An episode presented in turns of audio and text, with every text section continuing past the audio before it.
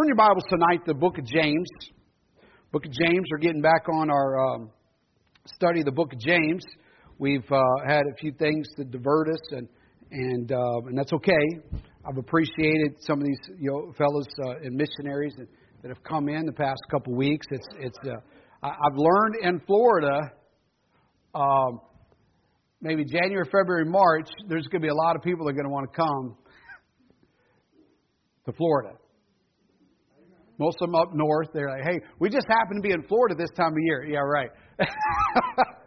if I when I was a when I was a missionary, uh, the first time I, I the first time I went south during the winter, and I realized that's where everybody else went. So the next year we went north while everybody else was going south. We froze to death because we were in a trailer, but we got the meetings. Amen. So anyhow, uh, James chapter three, James chapter three, verse one. Bible says, My brethren, be not many masters,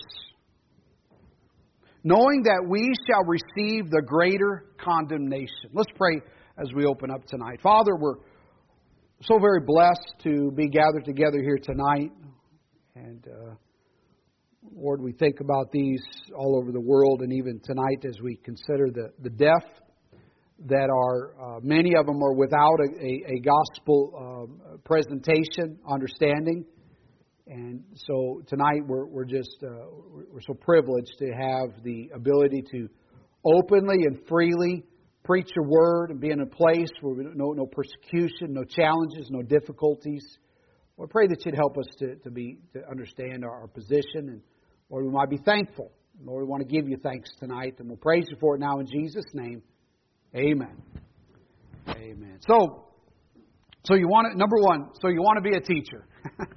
you know, there used to be this thing that there was this for this. So, so you want to be a UFC fighter, and they show this guy that's all beat up and you know broken. You know, when I was in the Air Force, I played for the, the United States Air Force rugby team, and rugby. I don't know if, if y'all don't know about rugby is really kill the man, kill the man with the ball with a couple rules. That's about it and I would play, and I seen these big old guys. I was a small guy on the edge, so I didn't get in the middle. But some of these big old guys, they'd break, break having their femur broken, and I thought, oh man.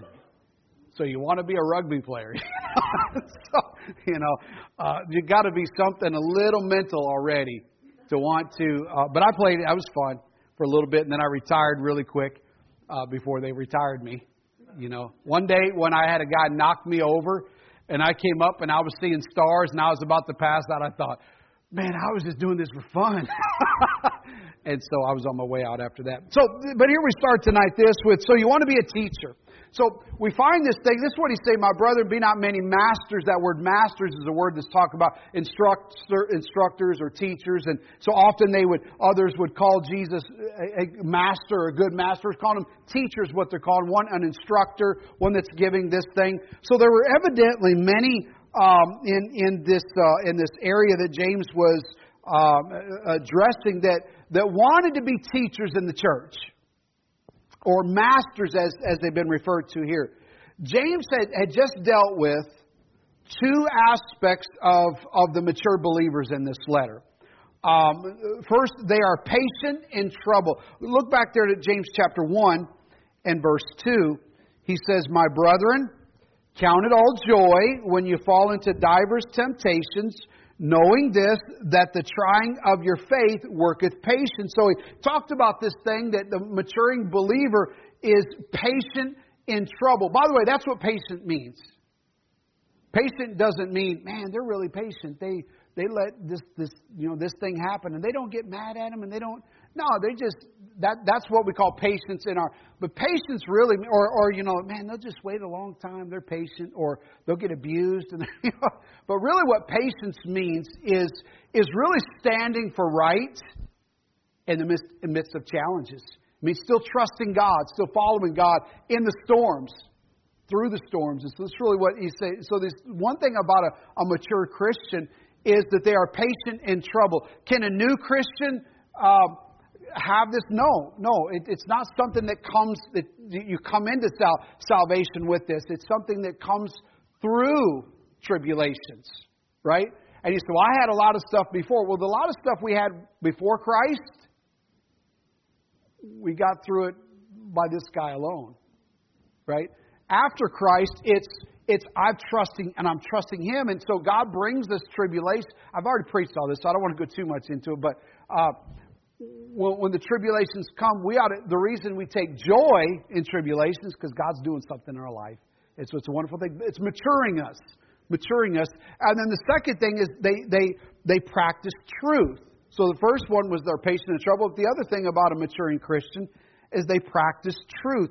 James chapter 2 and in verse uh, 22, he says, Seest thou how faith wrought with his works, and by faith was faith made perfect. So this, um, there is this practicing of our faith, not just uh, learning it and hearing it, but actually the mature believer practice what they hear. Okay, and this is the this is the listen. Um, we talk about sometimes we talk about this, and we use this phrase a lot. The the first act of obedience for a Christian is baptism. It's the first act of obedience. Man, there's a lot before that too, though. There's a lot of things that we come across that become acts of obedience. We can very quickly begin to mature by following what we learn God says to do. So there's this maturing process. When we hear it, we actually, if I could say this way, we produce it, right? Um, and so that's that's that's what a maturing Christian looks like. And now he's going to deal with this third characteristic of the mature believer that's found here in this third this third chapter, and it's the thing, the power over the tongue. Power over the tongue is what he's what he's going to deal with uh, throughout this chapter. Um, and so, this idea, though, uh, of the tongue has already been alluded to. Um, he, he's building up. You see, this is the way often the scriptures work, and there's building up to this thing. And, and kind of, if you were writing a letter, you would say it too. You'd start talking about something. You're thinking, man, this is really what I want to get to. Really want to get to that thing, but I don't want to start there. I want to kind of build up to it a little bit and build up to it, and then you get there, and then now you're here. But because you're already thinking that, you kind of touched on it back here. Um, so look there in chapter 1 again and verse 19, he says this about it Wherefore, my beloved brethren, let every man be swift to hear, slow to speak, and slow to wrath. And again in verse 26, he says, If any man among you seem to be religious and bridleth not his tongue, but deceiveth his own heart, this man's religion is vain. And then in chapter 2, verse 12, he says he talks about again, so speak ye and so do as they that shall be judged by the law of liberty. Okay, so talking about what we do with the tongue, how we're going to deal with it, how we speak, how we're talking. The warning here in chapter 3 is to be aware of what you're attempting to do. Beware of what you're attempting to do. And he was dealing with a lot of folks here that were um, there, that there seemed to be too many seem to want to have their voice added to the discussion. Okay, this church, no doubt. Can I say this? Uh, we talked about it this morning in the book of First Corinthians. We're going to go back there a little bit later in First Corinthians, see some things there. But and it's not, I mean, I didn't plan it this way. This is just where we're picking up in James, but it seems to have the same theme that we look. The church is having trouble. When, It's really interesting when we look at a lot of what we find in the epistles, not, not, not all, but a lot of what we find is instruction from what people were doing wrong. Isn't that kind of when we give instruction a lot to your kids or to somebody? You're like, hey, you're not doing that. Now, now that's good to have some pre instruction, and we have that. We have that as well. But we have some kind of general pre instruction. And Jesus gave us some, some, some things about our spirit and how we deal with one another and how we're to resolve conflict. And He tells us how we're to think now. We're not to think it's just not what we do, it's what we, it's what we, uh, it's in our heart and what we imagine and what we think. But now there becomes some practical things as people didn't follow that like they should have and it begins to have some error, and now he's coming through and cleaning up error. I'm so glad that the Bible wasn't finished being written with the Gospels. Right? It was, it was kind of lived out a little bit, and then said, okay, okay, church, um, you didn't quite get that. and some were like, can, I can almost see the Apostle Paul like, oh man. I think that's the way the Corinthian church was. Like, y'all missed this altogether. You know, but but we have it. By the way, Second Corinthians, Second Corinthians talks about shows us a church talking about to the same church that responded to the to the for the first letter, which is exciting. It wasn't just he wasn't just browbeating them.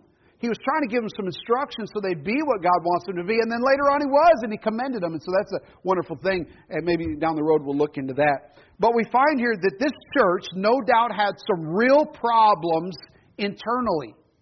Just imagine with me what kind of services they must have had at times that prompted James to write here in chapter 4, verse 1 From whence come wars and fightings among you. Come they not hence, even of your lust, that war in your members?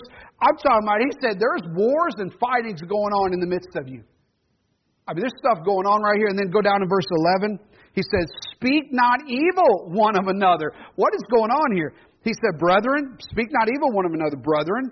He that speaketh evil of his brother and judgeth his brother speaketh evil of the law and judgeth the law. That if, but if thou judge the law, thou art not a doer of the law, but a judge. There is one lawgiver who is able to save and to destroy. Who art thou that judgest another? I'm just telling you, there must have been some stuff going on that you would have to say, where is all this war and fighting coming among you? Imagine have to get up here one day and say, folks, we got to stop it. Why are y'all fighting with? I mean, this is war going on. You ever been? You ever seen that in the church? It's it's disgusting. It is. Can I say? Can I use another word? It's distracting. Who is the enemy? By the way, the enemy isn't the people. The enemy is the devil. Uh, he's not our enemy, he's God's enemy. He hates God because he hates God, he hates us. But what he hates most about us is that we're trying to reach the world. But when we get when we would get into wars in here, we're distracted from reaching the world with the gospel because we're trying to deal with it here. Man, that's a good tactic of the devil, isn't it? You know, we find that. So they must have all wanted to be be the arbitrator of what is right and wrong. Um, I, I found too often, I find this, too often we want to direct others in their relationship with the Lord to look just like my relationship with the Lord. You know, in other words, what we want to do is, and we all kind of, as we kind of grow and mature and get some knowledge, what we'll often want to do is we want to make me, uh, myself, kind of the standard, and then we want others to replicate me. This is this is kind of human nature because if I'm wrong, I want to get it right. So if I'm right, you must ought to be right like me. And so we became we become the and he, that's what he's dealing with. You become the judge one of another. We kind of get this thing. Here, here's what we often want to do. When I say we, I don't mean necessarily us, and I'm just saying as believers. We, we want to destroy Christian liberty for others. But God forbid they try to destroy it for me. So, in other words, I want people to do the things that I think are important that God doesn't want them to do, the things that, by the way, I'm already doing. But I don't want them to step on my toes about the things that they don't think we should do that I'm doing. You see? So we want to destroy Christian, we don't want others to have Christian liberty.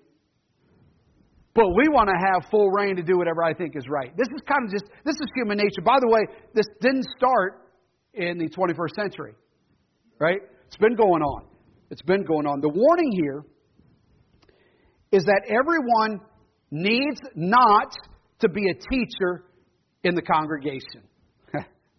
everyone doesn't need to be a teacher in the, in the congregation. Uh, listen, here's this is what he's saying. He's there in chapter 3, verse 1. He said, My brethren, be not many masters. He said, Everybody doesn't need to be a teacher. Which doesn't mean that some shouldn't be a teacher. Okay? This isn't a uh, this isn't saying that everyone should. It just means that there's a warning here. There's a warning. Um, it's often the weak Christian I didn't say a new Christian. It's often the weak Christian that wants to make everyone else prescribe to their standards. You know, one of the worst times in my, well, I, I would say this, one of the worst times in my Christian life was probably about a year or two after I was saved. And I learned some stuff. You ever heard that phrase, uh, you know enough to be dangerous? So I learned some things, and I thought if God told, I, I came from didn't know a thing to uh, any preacher that came by and said anything, I said, that's what we're doing. And if we're doing it, and I just learned it, everyone else in church should too. they loved me. No, they didn't. They didn't. I was a wrecking ball. I, I felt like I'm just I'm just trying to tell you a little bit about me, and and uh, hopefully it can be a help to you. Um, and, and just understand where I came from in that way. And I, and I thought, listen, I learned this thing, and if I learned it, then it's now my obligation. My, obliga- my, my, my job is to tell you everything God wants me to do. If He wants me to do, He must want you to all do it. And so you should do it. You should have already been doing it. And I'm judging you, telling you, you probably should do it now. And folks just hated me. I mean, was, I, I caused I caused more grief. And I thought, I'm bless God, I'm trying to help people. I thought that way. I did. I did. I did. I didn't hate people. I was trying to help them. But man, here's what it is, though. I, I was a weak Christian. I didn't. I, what we talked about this morning, my my conscience was so weak and so limited. I thought anything that anybody did. I mean, I think I was waiting for people to do something I could judge it. You know what I mean? And so, but it's often the weak Christian that wants to make everyone else prescribe to, to their own standards, to their standards. And they want to make, they want to be the master of, of other men's faith and manners to, to be their, to be their censor, right? To censor them and to, and reprover of their faults and failures. Hey, I, I there was a, the, my pastor had preached the message and he preached the message on, um, you know, uh, if you, if you have a fault, you know, if, if somebody offends you, rather, you should tell them. Right? The Bible talks about that. So there became this whole thing going through the church. Okay, brother, can I talk to you? Can, I, can, I, can I come talk to you? And they, come on, come over here. I'll talk to you. I'm like, okay, you know, when you did that, you offended me. It became this whole thing. Everybody was everybody was offended by everything, and every and, and I was the kind of guy I was in there talking to people a lot because they I did a lot of things, opened my mouth a lot, and they were always and I'm just like uh, uh, sorry? And it was just constant, and I, and I, and I told the pastor about it, and I think he's like, oh man, that's not where I meant that message to go. But, you know, he had to repreach it. You know, the weak are offended. You know, and it's like, oh, okay. You know, it was, it was an interesting thing, though. There was this whole thing, but, but many often want to be the reprover. And I want to be the one that censors what you're doing and, and, and, and to all the faults and failures. So, thus, the, the one that definitely is not ready to be the teacher is the one attempting to teach. That's what happens in that kind of respect. So, if you're going to teach, first know and live out the Word of God. It seems pretty basic. Brother Bob said when he was starting his Sunday school lesson, he said, You know, when I started studying this stuff, I realized there were some things I had to fix. Amen? That's what a teacher looks like. One that says, oops, before I can tell other people, I look at verse, we're in, we're in chapter 3, verse 13. He said, Who is a wise man and endued with knowledge among you? Let him show out of a good conversation his works with meekness of wisdom. By the way, this good conversation doesn't just mean our talk, it means our, our deportment, it means how we live our life and, and how we come across. And, and listen, if you're going to be wise and endued with knowledge, then, then show it in your life and, and with a meekness of wisdom. And, and so these kind of things. The place for the teacher to begin is with himself. Look over in Romans. Um, Roman, we're going to come back here uh, later in James. But uh, look over in the book of Romans in chapter 2.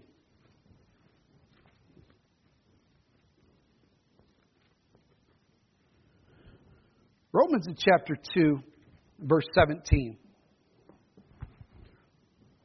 Behold, thou art called a Jew, and restest in the law, and makest thy boast of God.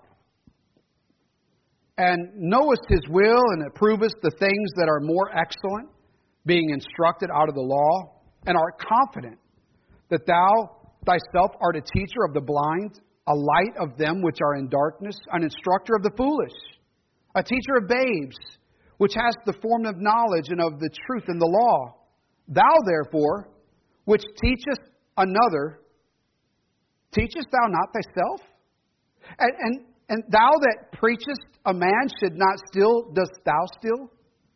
Thou that sayest a man should not commit adultery, dost thou commit adultery? Thou that abhorrest idols, dost thou commit sacrilege? Thou that makest thy boast of the law, through breaking the law, dishonorest thou God? He's asking these questions. He's saying, listen, before you're going to teach, do you, do, do you just teach it?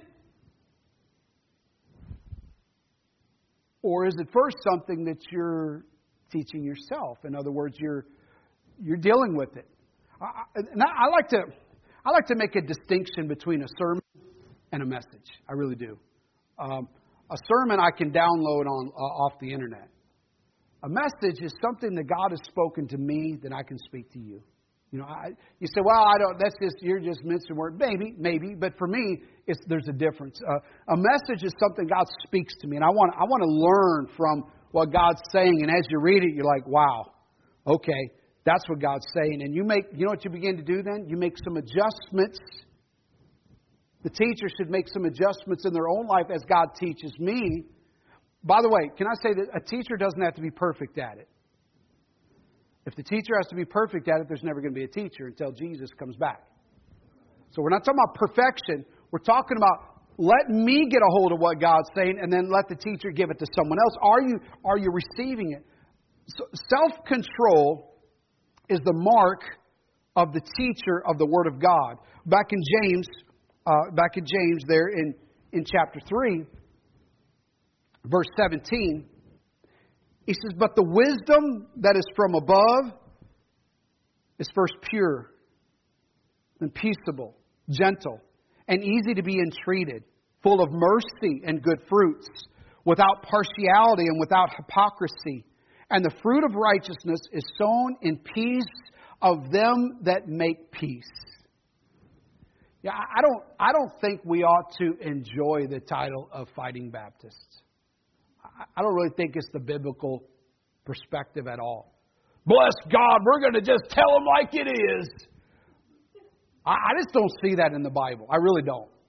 I really just don't see that kind of concept. It gets stirred because you know, you know how that gets going is we preach something like this and it's good and everything. Amen, amen. We're, we're just saying the thing and it's uh, yeah, people are going to hell. Yeah, amen. You know, we say a lot of, we can get really kind of a little bit, and folks, amen, and then we'll say something like with, but you know, we ought to love them through the truth. and it goes crickets. It's like, well, that's not, I like the amens, and everybody's excited about it, right? Better. And so, but here's what he says: it's it's the it ought to be um, those that the, the in the fruit of righteousness is sown in in peace of them that make peace. Um, I, I just think I think what I find mostly is God mostly is God is positive. Mostly God is positive. Now there's sometimes there's some times that He does get very very strict and very very clear. Um, uh, except ye are born, except ye shall be born again, ye shall not see the kingdom of heaven. I mean, listen, it's not going to happen. All right, there are some things, there's some times, but for the most part, it, it comes from this, uh, this, this positive accent. And what I mean positive, not like, yeah, everything's fine. I don't mean that. I mean, but, but, but by the way of God has something for you that's wonderful. Not, it's not mostly, if you don't get right with God, you're going to burn in hell forever. That's not as much as hellfire and brimstone sounds like fun because it's a little exciting if you're saved. You know, yeah, get him, preacher. I've heard folks, get him, preacher. I heard one preacher, one fellow I knew, and he was he started pastoring up in Missouri, and uh, I said, "Hey, brother, how's it going?" He said, "I'm preaching their faces off." I don't even know what that means. Let them have them back. I don't, you know, I, you know he, he thought that was the thing to do because he had heard that and he said it, and and uh, he pastored, I think, a year and a half, maybe two years, and then he left that. Praise the Lord. I like, I love the guy, but praise the Lord. Second thing, it ain't like it used to be. here's the second thing. What was the first thing? I don't know what I said first. So, you want to be a teacher, all right? Second thing, it ain't like it used to be. The early church was an infant church, okay? That had had some had to go through some some growth. All right? They they didn't start with a full roadmap. They were learning as they went along. The early church, man, they had a, they had a lot of obstacles. Uh, one of the issues is this: Jesus wasn't there anymore. All of a sudden, we're following Jesus. He we don't have to think. He just does stuff, and they would walk around and be like, "Wow, did you just see what he did? He just the way we're about to drown, and now the way he just says, "Stop it," and they stopped. Whew! They weren't even thinking through. By the time Jesus was was about to go to the cross, he's like, "Are you going to now bring the kingdom back?" He comes back from the dead. Are, is now going to be the kingdom here? You know, they're like they just they weren't even thinking. They were just following, right? And they were going, and, and all of a sudden Jesus is now they're watching.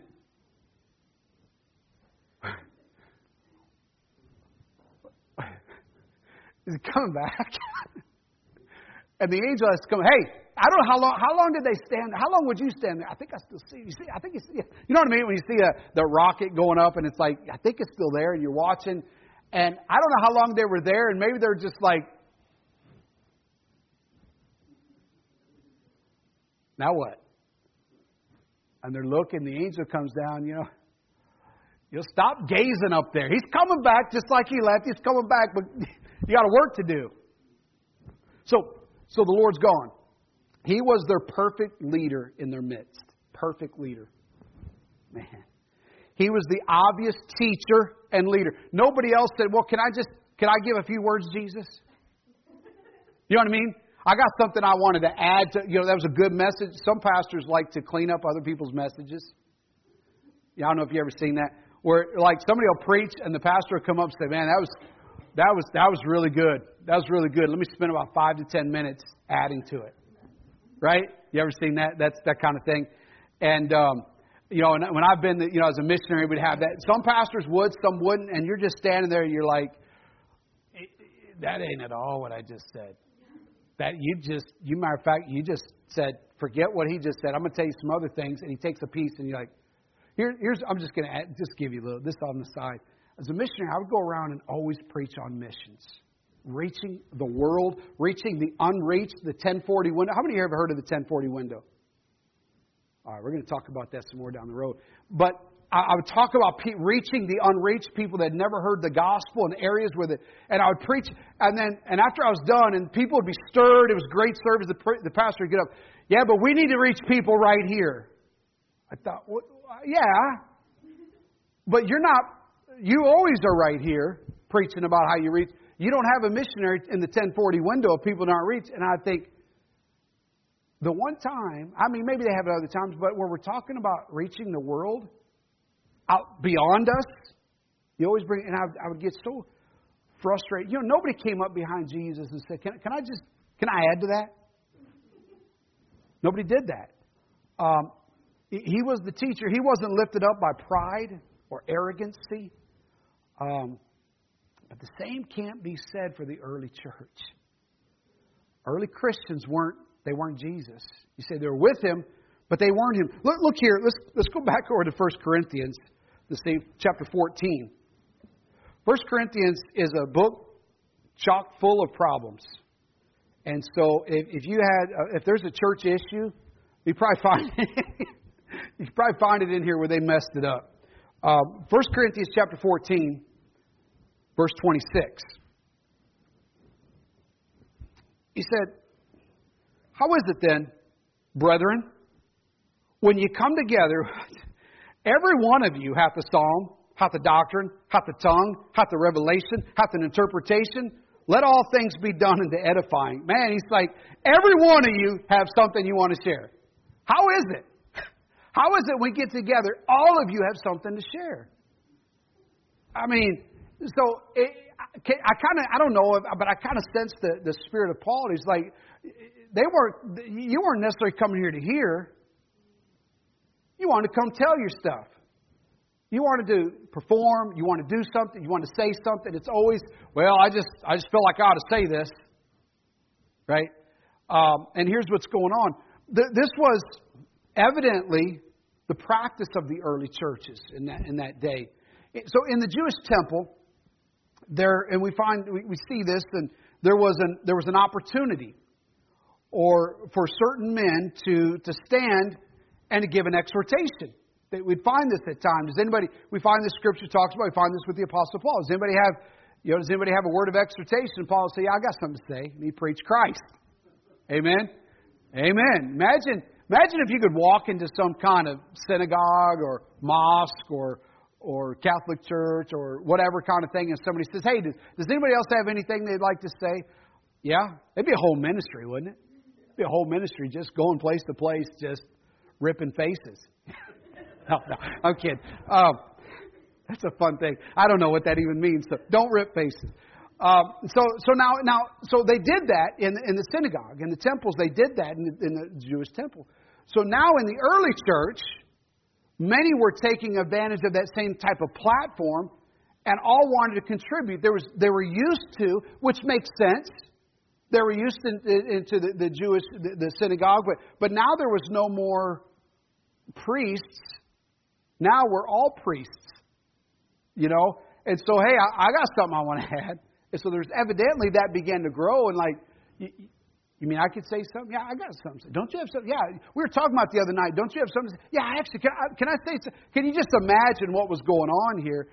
And so the Apostle Paul set down some order. He set down some order. Um, verse 27, we're still in 1 Corinthians 14. Verse 27 If any man speak in an unknown tongue, let it be by two, or at the most by three, and that by course, and let one interpret. But if there be no interpreter, let him keep what? Silence in the church, and let him speak to himself and to God. Let the prophets speak two or three, and let the other judge. If any man uh, I'm sorry, if anything be revealed to another that sitteth by, let the first hold his peace. You know what he's saying? He said, listen, if somebody, he's like, why somebody's telling you, I got something to add to that. No, no, no. Hold your peace. that fellow do his thing. Let him, let him say what God has moved him to say. And then he said, verse 31, For ye may all prophesy one by one, that all may learn and all may be comforted. Uh, he said this, verse 32, and the spirits of the prophets are subject to the prophets, for God is not the author of confusion, but of peace, as in all the churches of the saints. This is a very interesting thing. The, the contrast is here confusion and peace. Can I tell you what? we, we, I, have been in some places. I've been in some children's churches. You go in there, and I'm telling you, if you if you're going to guess, or if you're going to make a decision, is this peace or confusion? You'd be like, man, this is confusion. So, so that he puts some order. And by the way, by the way, I've seen that in churches too. I've seen it in church business meetings and things that are going on in, in places. You're like, there's confusion. The opposite of that is, is peace. Paul was saying th- saying here, things ain't going to be like they used to be. Okay? It's not going to be like we did back there. So, two things we can learn from this. First, we should be careful about taking our church polity, meaning how we operate and how we do that, from a developing, error committing church. Sometimes we're like, well, that's how they did it over there. But yeah, but this is being corrected. Right? We, uh, we, we, we don't take how we do it by where they were doing it wrong, and Paul said, don't do that. Okay? We don't we got to be careful about doing that. There was a there was a shifting away from the Old Testament Judaism to the New Testament church age. There was a shift. There's some things that, by the way, they were perfectly fine and acceptable in the, the Old Testament uh, Judaistic church, uh, Jewish. But can I tell you this? By the time we get to the New Testament, they were not following it at all. They had stopped following the Jewish law. They were following the rabbis' teachings of the Jewish law, right? And the priests and the scribes, and, and to the point that they said, I think we ought to kill this guy. You know, people that would teach, thou shalt not murder, got together to murder. So, so when I say that was okay in, in the right sense, but now there's a shift. Jesus said many times, Thou hast heard it said, which that is what, but I say. that was, he started, there was a shift taking place. There was a shift from law to grace. Okay? Can I say this? They, they didn't start it perfectly. They didn't, they didn't hit the ground perfectly. Um, second, things change for a purpose. Things change for a purpose. The, perp- the church in Corinth was not handling the service well. I mean, their, their actual church service, their actual worship service, it wasn't being handled well. It was obviously, he had to tell some, you, you, know what, y'all need to be silent. That's how, listen, if there's this, just don't talk. No, no, no, no, one at a, one at a time. Can you just see him? I don't know if he was, I think he was, I don't know how he was. I wish I'd have been there. I mean, we might have been cracking up. Be like, man, he told them. You know, they need to be. Somebody wanted to tell him, and you know, he told them, and and it was just confusion. And people. I mean, we're going to deal with this chapter in another place. He says, some y'all, y'all doing this stuff. People are going to come in and think y'all are nuts. Well, he said mad, but that's what he means. He said, you could, y'all got to stop this stuff. And so, so there's going to be change for a purpose. They weren't handling the service well. There needed to be some specific, uh, some, some, some. There needed to be some refinements, some specific to direct them into a more edifying service. So it, it wasn't about uh, it wasn't about trying to be um, more about this or more about that, or let me tell you what I know, or let me sing this song, or let me do this thing. No, it's about the, the time was to. I think this is so important. Listen, this wasn't about fellowship. This wasn't about us just getting to be together. This wasn't about me. I just really wanted to say so get that off my chest. No, no, no, no. It's always been, the service has always been about edifying one another, that we might grow thereby. That's, that's the purpose. There's often a cry for doing church the old way. I want to do it the old way, you know, like, like it used to be. But, but when is that time that it used to be? Um, you know, which time frame were we specifically referring to? Hope we're not talking about, you know, 59 AD the Corinthian church. Listen, we need to go back to the way they did it there in the Bible. Really? I mean, can we go? Can we at least get to like Ephesus? Maybe instead of we ought to do it like um, like they used to do, we ought to go to the old ways. Maybe we ought to do it like like the Ephesian church. How about more like the Second Corinthian church, right? Not just the old way. So, so there becomes this there becomes this idea, this time frame that it used to be better, and I've talked about this, you know, and Jonathan um, uh, Penepe was up here talking about in India how they, you know, the men sit on one side and the women sit on the other. You know, we got to go back to those days, you know. Um, we ought to go back to the day when, when all men wore, you know, they wore these suits and top hats and, you know, eight piece suit, you know what I'm saying, and wool and just you just and the women all wore bonnets and everybody's like a like a fashion show and you go in here. Hey, nothing wrong with it. Nothing wrong with it. It was just a time. It was a time. It was the same time that people wore men wore suits to a ball game. It was just a different period of time. And so or do we want to go to that time? It's like, well, ah, maybe not that far back. Right? How about the time before when they didn't have pews, they just had benches? No, we ain't going to that time. No, I don't go to that time. You know, this this how about the time before they had air conditioning? It was just open the windows and open air tent meetings. Amen. You know, you're like, Amen. We got eight people every Sunday. You know. I'm just saying. I'm just saying. This is the thing. Here, there's a danger in being nostalgic for nostalgia's sake, right? Wanting some way because remember we remember it as being great. Often, what we remember as being great isn't what we really experienced. It's what somebody else told us about. You know, the worst part about the good old days is a bad memory. That's the worst part about the good old days. I want to, we, we forget.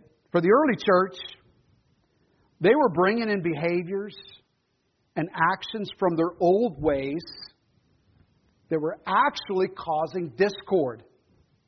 They were actually causing problems. There was a there was a whole transitionary time that was taking place, and the Lord was now here in 1 Corinthians using the Apostle Paul to make that clear. Look over in, in 1 Corinthians, well, we're right there in 1 Corinthians chapter, uh, chapter 13. 1 Corinthians chapter 13 and verse 8. He says, Charity never faileth, but whether there be prophecies, they shall fail. Whether there be tongues, they shall cease. Whether there be knowledge, it shall vanish away. For we know in part, and we prophesy in part. But when that which is perfect is come, then that which is in part shall be done away. See, he, he, he's saying here some things that were that we, we used to have, right? That's that they're going to finish. You know what? You know what's not going to finish? Charity. Oh, by the way, love is going to keep going. We, don't don't get rid of that one. But the other things, all these other things, listen, um, they were the beginning without the instruction of the Word of God. You realize when this was written, they were already doing these things without something to read about how to do it. Right? They were already trying to do church, trying to figure it out, and trying to. And I want to give them a little bit of. I want to kind of give them a benefit of the doubt. They were doing the things, and it kind of by they took some of that, and here they are going forward and going. And Paul looked by and heard things. He's like, "Oh man, it's a mess." Let me write to you the things we're reading here and tell you how to straighten it up. So, so they they started without the Word of God completed. That's why it's saying it's going to be completed, and then the, all those things. There, there were many though attempting to to teach what uh, uh, wasn't they were teaching what wasn't necessarily what they had studied and understood from the Bible. They were teaching not what they studied because they didn't have it yet. Right? It was what they had seen and heard in the past and assumed with their own logic, so there became stuff that was creeping in. We talked about that this morning. Things creeped in, and so this thing, and, and so there's some correction on it. But the glimpses of the truth from, from the prophets was going to be replaced with the completion of the Bible. Prophets would come up and say, Here's what's going on. Let me tell you something that you don't know. New revelation. Let me tell you something. That's how a prophet, they didn't learn it. God told it to them. Right? Maybe maybe they, sometimes a prophet didn't, didn't understand what they were saying times. Some of the, you know, go in the Old Testament, some of these things, prophets would, and God would say, go act this out, go lay on the ground, do this. And you're like, all right. People, you can almost say, what do you mean? I don't know, I'm just doing what God said. You know, he said that's gonna that's gonna go away, right? Um, there would there would be no longer be a need for speaking in tongues. Tongues was a very early thing in the book of Acts, and quickly it, it faded away because there was not, not going to be a need to start speaking in other people's language because eventually it was going to be written. It's going to be the rest of it's going to be there, and so that was going to that was going to cease. The, the knowledge that was supernaturally given to men not needed when the completed revelation of the Word of God is available. So ultimately, the message in this passage is that there will, there will be a growing up into the truth of the Word of God. Look, look at verse 11. We're, we're still in chapter 13 of 1 Corinthians. He said, When I was a child, I spake as a child. I understood as a child. I, I thought as a child. But when I became a man, I put away childish things. For now we see through a glass darkly, but then face to face. Now I know in part, but then shall I know even as also I am known. And so there's this, here's what he's saying it, it, it ain't going to be like it used to be. It's going to be different. We're going to be growing up into these things. I'm going to put, as we, we're, we're children in understanding, but there's going to be more come. And God's going to reveal, and that was the purpose. There was a purpose in it. Um, you know, we're not to continue in the basics of Christianity. You understand? We're not to continue in the basics. We're to grow up. That's what he's talking about. We're to move on in faith. You know, we, we ought to continue to grow. Right? We ought to continue. If, if we're the same, yeah, I've been. I've been doing this. I've been doing this for 30 years. Okay, that's not really a compliment. You know, uh, you ought to be doing something else. You ought to be growing. And, and you know, I've been preaching the same thing for 30. Now, there's some, I'm not saying changing doctrine, you know what I'm saying, but sometimes there's this whole thing, and, you know, I, I learned this when I first, you know, and, and now I'm still doing it. Well, there should be some growth. I mean, man alive, can you imagine what you first learned your first couple of years of salvation? I mean, man alive, I'm embarrassed some of the things that I said and did. I wish that, not that it was necessary sin or wrong, it just wasn't good. You know, it wasn't good. And so, he said, put away the childish things that we started with in our lack of knowledge and understanding. Not a room full of people trying to tell each other about how good things used to be. Right? So, third thing. Third thing. Because there is a greater judgment.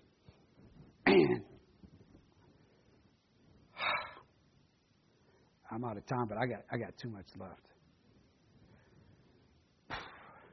I hate, I hate it, but sometimes you just have to have a salami sermon. Just got to chop it off right there, and we'll pick it up. I, there's there's too much more. If I if I got here, I, I want to get this out of here at, at this, around this time. And if I got you out here at at, at 20 after, I'd have more falling asleep. So. Uh, uh, listen, I, I just let, let, me just kind of close and sum it up in, in this way. Um, uh, we're going to get to the second part of that one verse. We got the part A. Um, we're not all to be teachers. That's, he, said, he said it's not that we're not to be teachers. He said, but there's a, there's a we're, we're not just trying to give out what we know. You see, we're not all trying to give out. There's there's something here, and there, there's a transition period, and Paul is trying to deal with this. He said, and, and James is, is dealing with that same concept, but Paul really laid that out, and James is kind of just referring to it. That um, there ought to be growth, folks. We ought to be, man, we ought to be, we ought to be, we ought to know him, know him more, and live out more what we know about him than we did before. And if we're at the same place now that we were some time back, there's a problem. There's a problem. By the way, it's not, well, this is it. A lot of people get this idea, well, this is just, I, I think I'm good enough. No, you ain't. And I don't mean good enough like, but I mean, this isn't, there's no level that we get to that that's a good enough relationship. Imagine if I told my wife, you know, about 12, 13 years into marriage, say, you know what, this is, you're spending too much time with me. This, I mean, this is enough. You're going to have to give me Saturdays. it's enough. And she said, okay, yeah, that's fine. Could you imagine her saying, oh, yeah, that's fine? No way. What, what if I just said to God, God, I'll tell you what, God, this is getting to be, I'll just give you Sundays. that's, that's enough. I'll give you, I'll give you that one day, but the rest, I got to just do my thing. You think that'd be all right? Father, I do pray that you'd help us. Lord, help us to see. Lord, you want us to move on. You want us to grow, and or there's certainly some more we're going to look at in this these passages, but or tonight that we might just walk away with this is just realize that you want us to grow up in you. I pray that you'd have your own way tonight. Lord, pray that you'd speak to our hearts. Give us a good week. And Lord, pray that you'd take this message and lay it in the hearts of your people. And we'll thank you for it now.